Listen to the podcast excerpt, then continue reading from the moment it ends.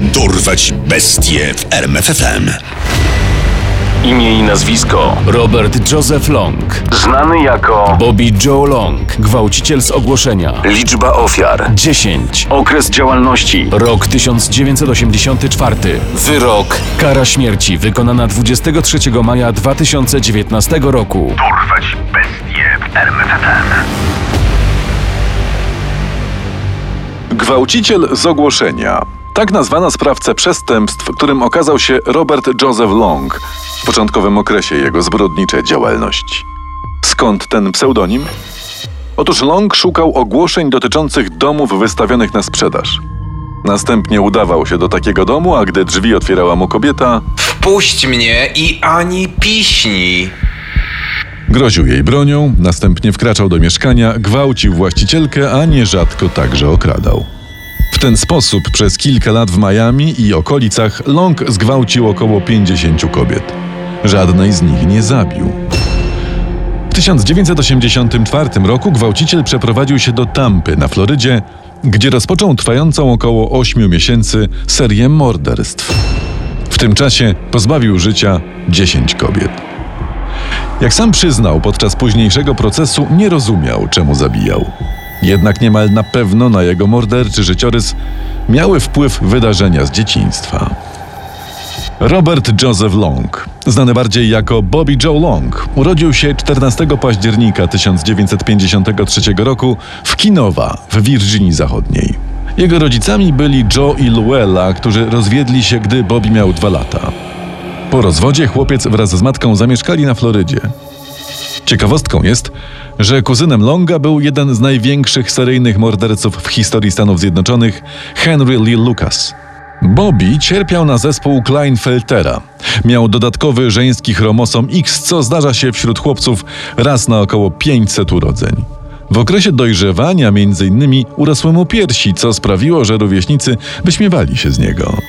Do 13 roku życia Robert spał w jednym łóżku z matką, która uwielbiała prowokacyjne stroje i co rusz przyprowadzała na noc innego mężczyznę. To wszystko powodowało, że Long żył w poczuciu nieustającego wstydu i hodował w sobie kompleksy. Ponadto młodego Bobiego prześladował nadzwyczajny pech. Serię niefortunnych zdarzeń w jego życiu zapoczątkował dzień, w którym czteroletni Long niemal utonął w oceanie. Rok później spadł z huśtawki i stracił przytomność. Wypadek poskutkował obrażeniami mózgu. Zaliczył także upadek z kucyka. Gdy miał 7 lat, został dwukrotnie potrącony przez samochód. Przeżył zatem całkiem wiele jak na dziecko. W książce Stevena Gianangelo The Psychopathology of Serial Murder – A Theory of Violence pada takie zdanie o Longu. Te wszystkie wypadki, urazy, a także zaburzenia genetyczne sprawiły, że cierpiał na nieustanne bóle głowy, niezaspokojony popęd seksualny i że miał socjopatyczną, brutalną naturę. W 1974 roku 21-letni Bobby Joe Long ożenił się ze swoją koleżanką z liceum Cindy Brown. Krótko po ślubie Long miał wypadek na motocyklu i spędził kilka miesięcy w szpitalu. Tam ujawnił się jego zwiększony popęd seksualny. Pielęgniarki zaobserwowały, że mężczyzna wielokrotnie w ciągu dnia się masturbuje.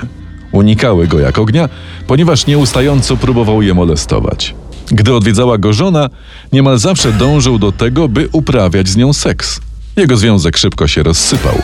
W trakcie trwającego kilka lat małżeństwa Long stawał się coraz bardziej agresywny w stosunku do Cindy. Jak sama później wspominała, Pewnego dnia uderzył mnie tak, że aż straciłam przytomność. Gdy się obudziłam, Bobby siedział koło mnie na kanapie i płakał. Mówił, że już nigdy więcej tego nie zrobi, ale gdy postanowiłam pojechać na pogotowie, dodał. Jeśli powiesz, co tu się wydarzyło, zabiję cię. Robert i Cindy rozwiedli się w 1980 roku. Wkrótce potem Long rozpoczął serię przestępstw na tle seksualnym. Po kilku latach gwałtów wkroczył na nowy etap zabijania swoich ofiar. Wszystkie były młodymi kobietami w wieku od 18 do 28 lat. Wypatrywał ich jeżdżąc po okolicy charakterystycznym czerwonym autem Dodge'em Magnum. Jego ofiarami często były prostytutki, bywalczynie barów i klubów, które śledził po wyjściu z pracy i atakował podczas samotnego spaceru na odludziu. Pierwszego morderstwa Long dokonał 27 marca 1984 roku. Ofiarą była 21-letnia tancerka Artis Week. Kobieta została związana, zgwałcona, pobita i uduszona. Na miejscu znaleziono ślady opon i kilka czerwonych włókien. Te ostatnie okażą się charakterystycznym i kluczowym dowodem w śledztwie w sprawie morderstw. 13 maja znaleziono kolejne zwłoki. Było to ciało 19-letniej Nguyen T. Peggy Long, które znaleziono na polu w Tampie. Kobieta była naga, a na jej szyi widniał ślad po lince. Obok jej szczątków zabezpieczono, podobnie jak w przypadku Wick, czerwone włókna. Gary Terry, szef biura szeryfa hrabstwa Hillsborough, miał, według The Washington Post, powiedzieć, że tam na miejscu funkcjonariusze zdali sobie sprawę, że mają problem. Problem ten nosił nazwę seryjny morderca. Niedługo po tych zabójstwach zostały znalezione kolejne zwłoki. Tym razem z podarżniętym gardłem, a wkrótce po nich następne. Początkowo detektywi sądzili, że czwarta ofiara nie została pozbawiona życia przez tego konkretnego seryjnego mordercę. Była rasy czarnej i została zastrzelona, co nie pasowało do profilu ofiary. Dotychczas morderca dusił swoje ofiary lub dźgał nożem i były to wyłącznie białe kobiety. To jednak prawie na pewno on. Mamy nawet potwierdzenie. Analiza wykazała, że przy ofierze znaleziono czerwone włókna. Październiku Robert Joseph Long miał już na sumieniu 8 ofiar. Choć śledczy wiedzieli, że mają do czynienia z seryjnym mordercą i prowadzili czynności w celu jego złapania, de facto byli bezradni. W końcu jednak nastąpił przełom. Późnym wieczorem 3 listopada 1984 roku Long porwał wracającą do domu na rowerze 17-letnią Lizę McVeigh. Po tym, gdy ją zgwałcił, zabrał ją do swego mieszkania. Tam związał dziewczynę, założył jej opaskę na oczy i gwałcił ją przez kolejnych 26 godzin. Z jakiegoś powodu postanowił jej nie zabijać. Zawiózł ją w nocy w odludne miejsce, pocałował na pożegnanie i wypuścił. Jesteś moją małą dziewczynką. Pamiętaj. Liza McVeigh doprowadziła śledczych prosto do seryjnego mordercy. Zapamiętała nie tylko napis Magnum na desce rozdzielczej, ale także to, że sprawca miał czerwony dywan. Do tego specjalnie zostawiła w całym mieszkaniu gwałciciela odciski palców oraz zabrudziła wnętrze jego auta krwią menstruacyjną. Robiła wszystko, by policja odnalazła sprawcę, nawet gdyby ona sama nie przeżyła. Lisa rozważała wcześniej popełnienie samobójstwa. Postanowiła skończyć ze swoim życiem, ponieważ przez lata wykorzystywał ją seksualnie partner jej babci. Wiele lat później, w roku 2019, już jako Lisa Noland, wyznała Naples Daily News. Naprawdę wierzę w to, że ten cały horror, który przeżywałam w życiu, pomógł mi w horrorze, którego zaznałam w mieszkaniu Longa. Nie wiem, jak bez tych koszmarnych doświadczeń przetrwałabym 26 godzin gwałtów. Wiedziałam, że nie mogę walczyć. Inna siedemnastolatka może nie poradziłaby sobie z tym, tak jak ja. Dzięki Lisie śledczy zebrali ogromną liczbę informacji o mordercy. Wiedzieli na przykład, że jest właścicielem Dodge'a Magnum. Na podstawie wykazu właścicieli aut tego modelu w okolicy oraz innych poszlak wytypowali Roberta Josepha Longa. Niestety w czasie, gdy trwało intensywne śledztwo, a Long był tylko jednym z wielu podejrzanych, zdołał on zabić jeszcze dwie kobiety. Wkrótce policja rozpoczęła jego obserwacje. Został aresztowany 16 listopada 1984 roku po wyjściu z kina. Początkowo przyznał się jedynie do zgwałcenia Lizzie McVeigh. Ostatecznie jednak stwierdził, że to on jest poszukiwanym mordercą kobiet. Powiedział także, gdzie ukrył zwłoki jeszcze dwóch ofiar. W sumie ich liczba wynosiła 10. W wywiadzie udzielonym dla CBS News Bobby Joe Long wyznał – To było coś mechanicznego, jak przejście z punktu A do B, potem do C i D. One wsiadały do auta, ja się zatrzymywałem, zawiązywałem je, wyciągałem broń i tak dalej. Tak samo za każdym razem. Czemu pan to robił? Nie wiem.